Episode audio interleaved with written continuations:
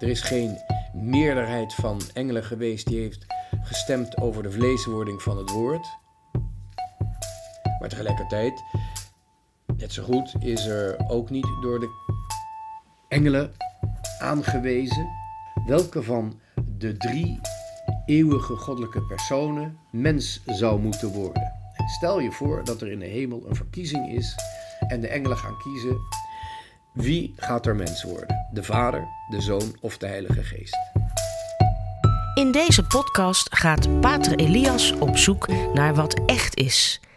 Hij gaat de uitdaging aan om een zo helder mogelijk beeld te vormen van hoe de wereld in elkaar steekt.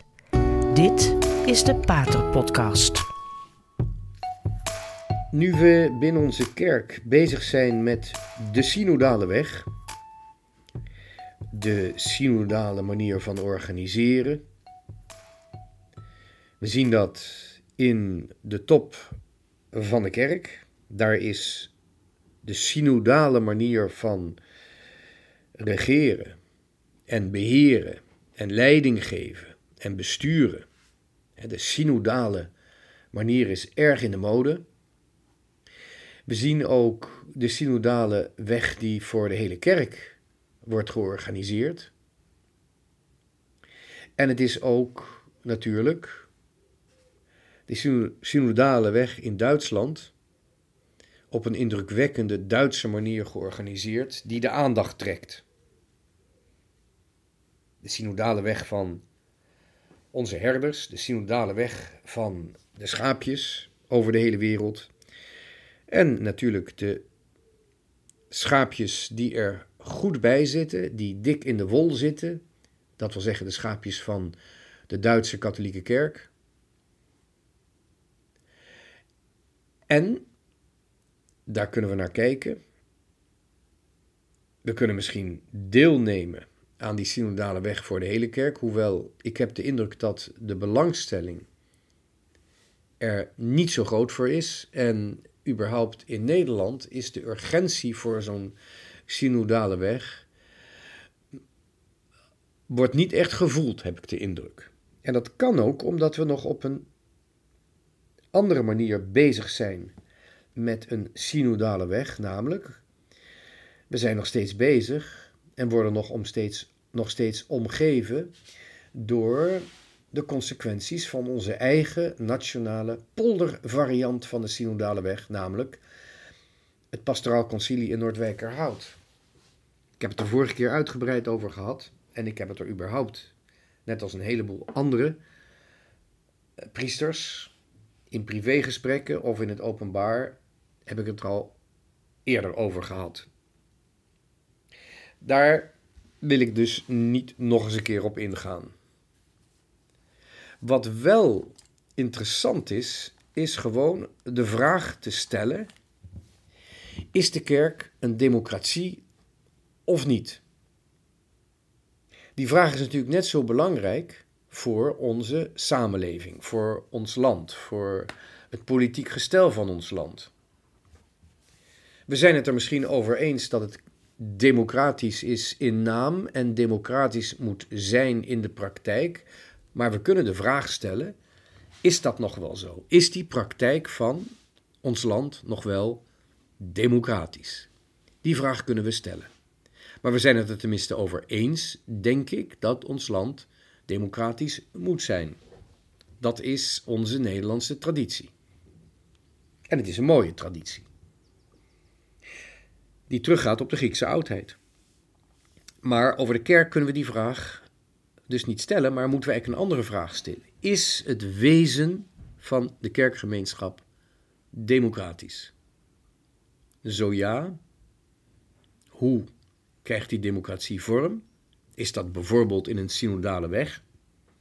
Of een pastoraal concilie? Of is de kerk gewoon niet democratisch? En is ze dan een dictatuur of een oligarchie? Wat is de kerk voor gemeenschap? En dat is misschien een enge vraag om te stellen, want het kan wel zijn dat onze conclusie is dat de kerk niet democratisch is. Stel je voor, in onze tijd lid zijn van een gemeenschap die niet democratisch is. Wat is de kerk? De kerk is gesticht door Christus. Als je dat niet gelooft, ja, dan kun je wel in die kerk gaan zitten, maar je hebt er eigenlijk weinig te zoeken. Het is een uitgangspunt. Een uitgangspunt, dat wil zeggen iets dat we aannemen in vertrouwen. En als ik in de kerk zit met mensen die zichzelf, net als ik, rooms-katholiek noemen, die zijn er mede van overtuigd in alle vertrouwen dat Christus die, die, die kerk gesticht heeft. En ik kan daar dus ook op vertrouwen. Als dat niet zo is, dan zitten we misschien samen. Het kan wel gezellig zijn, maar we beleiden niet hetzelfde geloof. En we geven ook een andere betekenis aan het ritueel dat we aan het vieren zijn. Zo eenvoudig is dat. Dus die aanname, die is er gewoon. En die aanvaarden wij. Dat wil zeggen, die bepalen wij niet democratisch. Dus het uitgangspunt van ons geloof is niet democratisch. Het is niet democratisch beslist. Zelfs de hoogste engelen in de hemel hebben niet gestemd over het moment dat Christus naar de wereld moet gaan. En of Christus wel naar de wereld moet gaan. Er is geen meerderheid van engelen geweest die heeft gestemd over de vleeswording van het woord. Maar tegelijkertijd, net zo goed, is er ook niet door de engelen aangewezen welke van de drie kandidaten, oftewel welke van de drie eeuwige goddelijke personen mens zou moeten worden. Stel je voor dat er in de hemel een verkiezing is en de engelen gaan kiezen wie gaat er mens worden? De Vader, de Zoon of de Heilige Geest? We hebben dus te maken in de kerk met een uitgangspunt dat eeuwig is en niet democratisch is. En dat is niet omdat de kerk een dictatuur is of de hemel een dictatuur is, maar omdat in de hemel zoveel licht is dat er helemaal geen democratie nodig is. De openbaring en de kerk zijn door Christus gegeven. En zo gauw we de staatsvorm van de kerk democratisch willen maken, is dat eigenlijk een gebrek aan hoop in de eerste instantie. En het wordt dan langzamerhand een gebrek aan geloof, of eigenlijk het geloof verdwijnt helemaal. Dan heb je een kerkgemeenschap, een democratische kerkgemeenschap, of een gemeenschap die zich democratisch noemt. Waarin, of misschien zelfs wel heel trendy, die zich synodaal noemt. Maar waarin de geloofsinhoud irrelevant is geworden.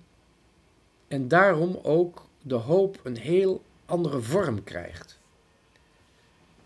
Er is een soort van metastase van een gezonde hoop, een levende hoop, tot een karikatuur, een imitatie van de christelijke hoop die uiteindelijk fataal is. Die misschien in naam eerst democratie is, maar uiteindelijk een tirannie wordt. Dat zijn bijvoorbeeld de revolutionaire partijen die zijn opgekomen in christelijke of oorspronkelijk christelijke samenlevingen dan krijg je bepaalde politieke structuren die misschien wel beginnen als democratie, maar eindigen als tirannie. De voorbeelden, die mag u zelf erbij halen, die mag u zelf over nadenken. We hebben de laatste twee eeuwen dat fenomeen kunnen waarnemen. Als het geloof verdwijnt, dan krijg je een pseudo-kerkelijke gemeenschap die gelooft in een heil, in een soort van namaak eeuwigheid, een toekomst waarin de hele mensheid verenigd moet worden voor een ideaal dat de mens zelf verzonnen heeft.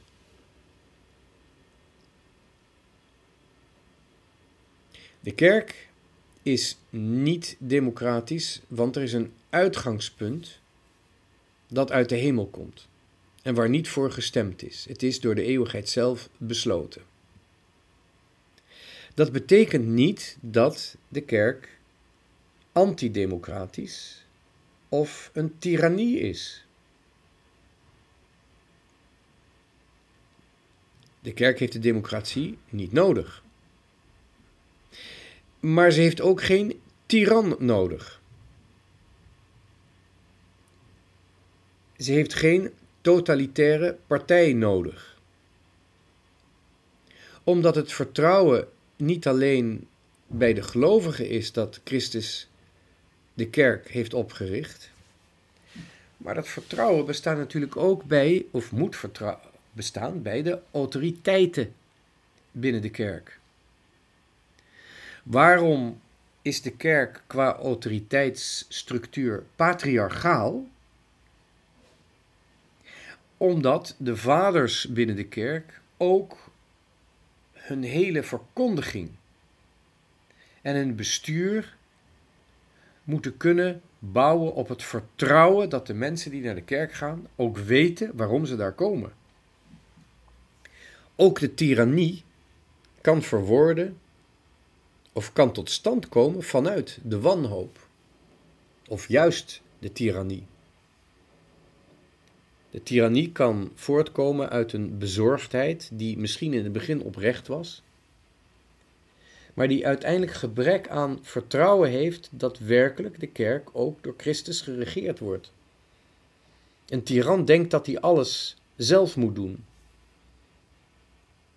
Een herder weet dat de kudde van iemand anders is. De herder is, zoals Christus dat weergeeft, aangeeft in het evangelie van Johannes.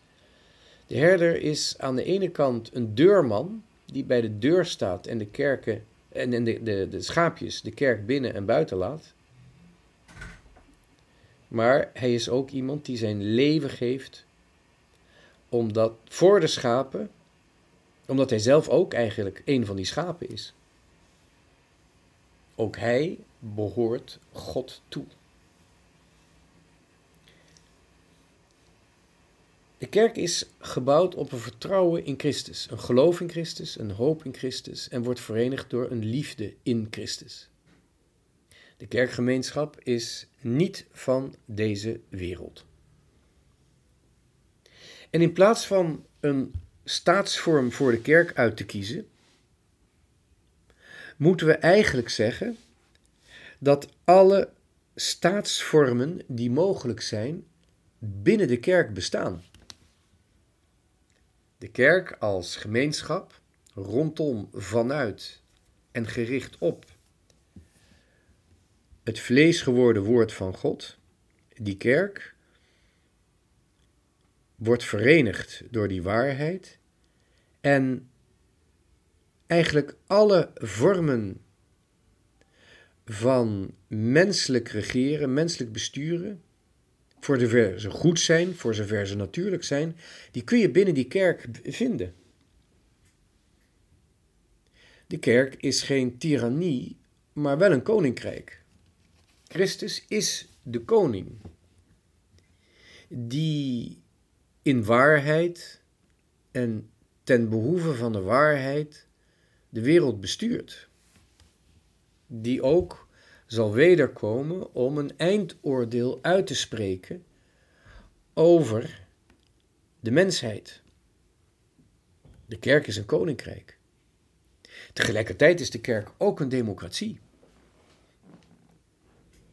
Als ik genoeg vertrouwen heb in die uitgangspunten van de kerk, de uitgangspunten van het geloof, als ik genoeg vertrouwen heb in de middelen die ik krijg om in die richting te gaan die God ons aanbiedt. De terugkeer naar de Vader, de terugkeer naar het vaderlijk huis.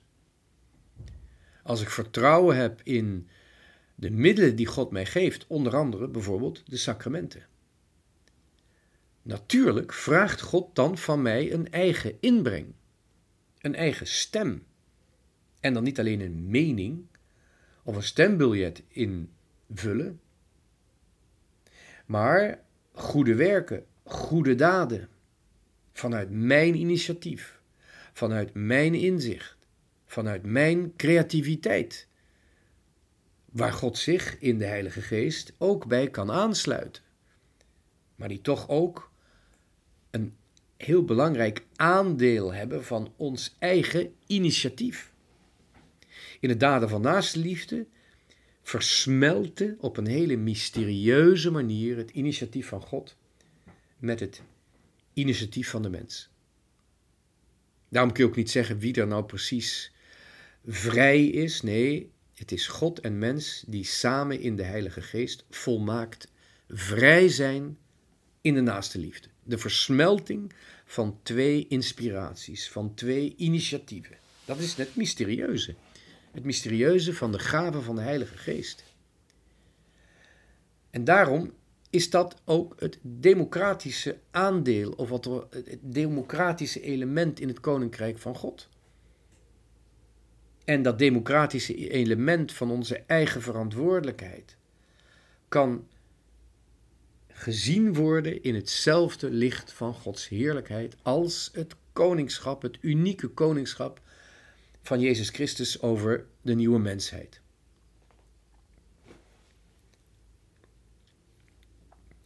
En daar komt dan ook nog bij die derde staatsvorm, die in de Griekse oudheid werd onderscheiden. Je had koningen, je had democratieën en je had ook aristocratieën. Dat wil zeggen, wie hebben daar het bestuur in handen? Dat zijn degenen die een verdienste hebben. Aristocratie betekent niets anders dan de macht van de beste. En ook dat bestaat in de kerk. Wanneer wij binnen een gemeenschap zijn, kunnen wij ook vanwege de verdiensten mensen aanwijzen. En aanvaarden dat zij een zekere autoriteit over ons uitoefenen.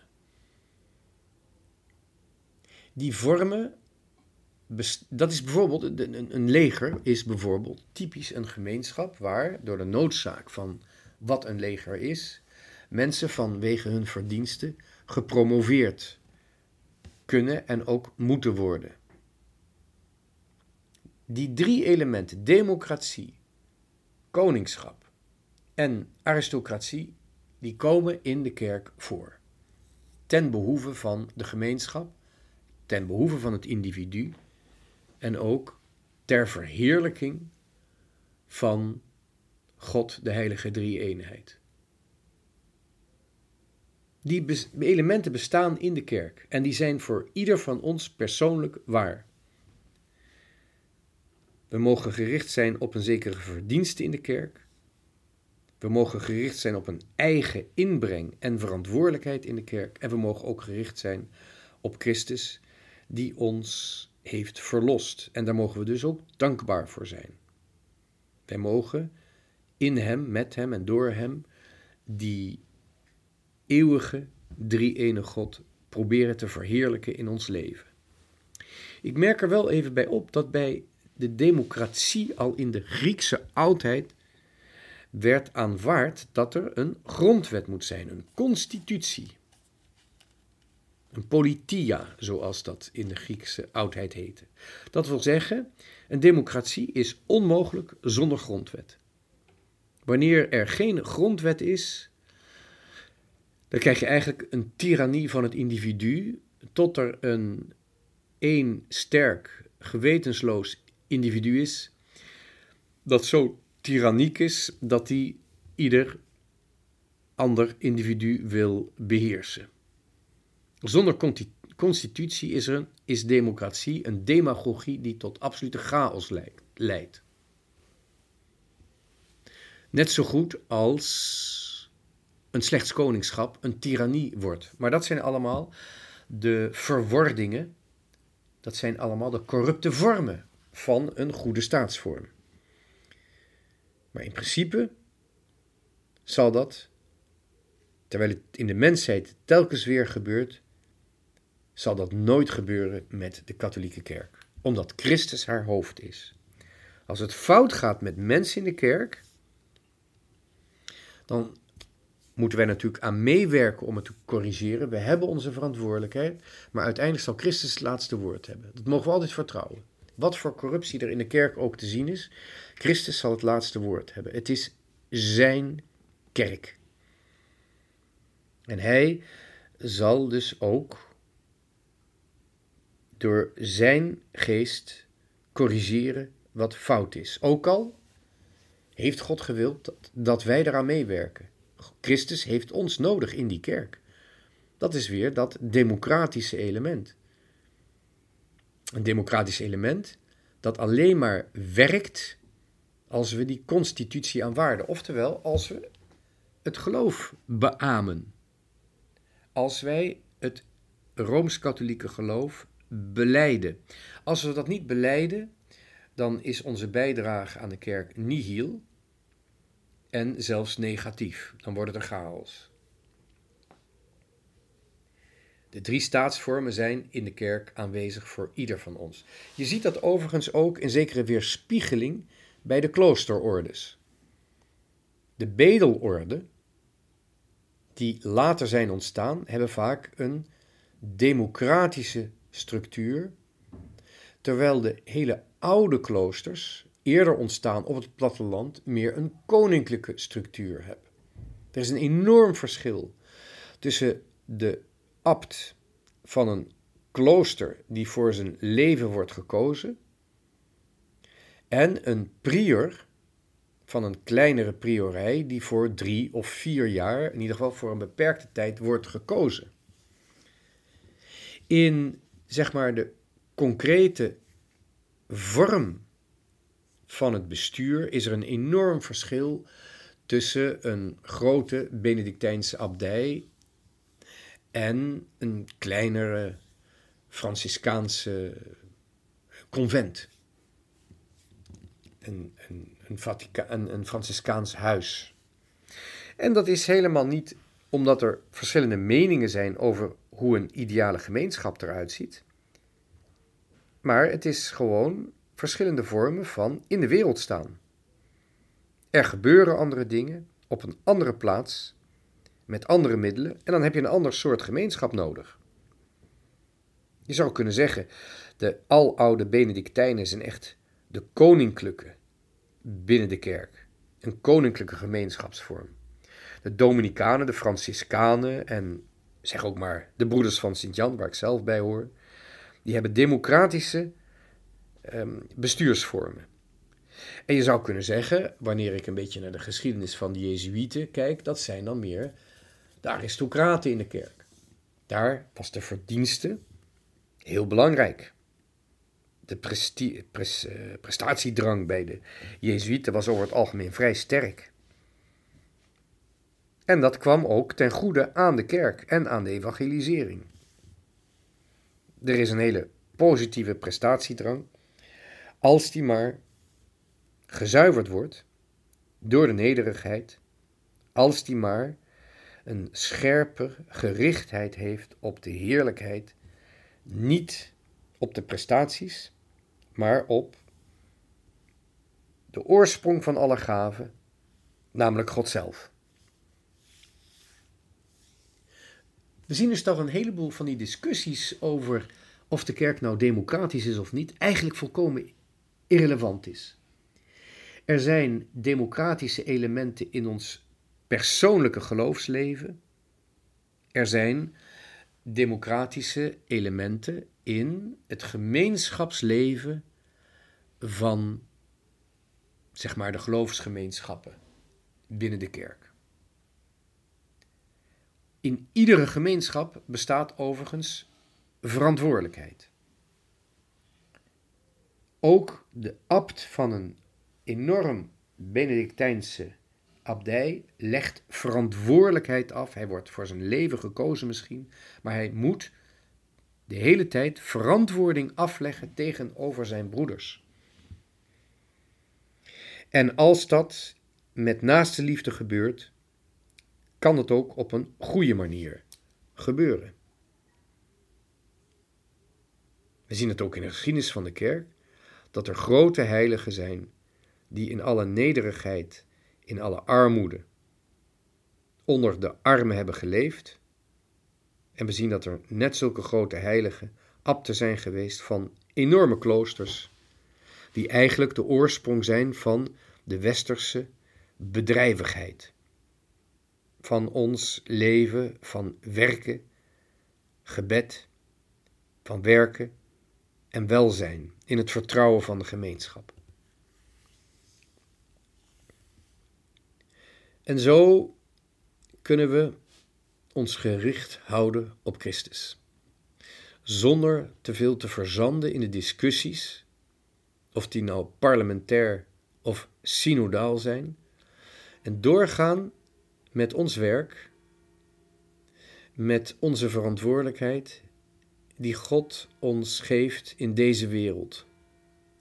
Waar zoveel goeds is, waar zoveel verbeterd kan worden, waar zoveel nog kan gebeuren, in deze wereld waar we nog zo worden uitgedaagd, in deze wereld waar we misschien ook een heleboel reden zien om, om ons zorgen te maken. Maar het moet alleen maar een uitdaging voor ons zijn. We kunnen erop vertrouwen, het is de kerk van Christus. Het is de kerk die de bruid is van Christus, die opgaat naar Christus, zich voorbereidt op Christus, maar die ook het vertrouwen heeft dat Christus naar haar toe komt, nu al bij haar is en aan het eind van de tijd ook in alle heerlijkheid aan zijn bruid zal verschijnen. Alles wat we doen in deze wereld is voor de vreugde van de bruidegom bij zijn terugkeer. Voor onze aantrekkelijkheid als kerkgemeenschap. Na veel strijd, na veel voorbereiding, onze aantrekkelijkheid, onze schoonheid als kerk voor de bruidegom, naar wie we zo verlangen. Bedankt voor het luisteren, tot de volgende keer.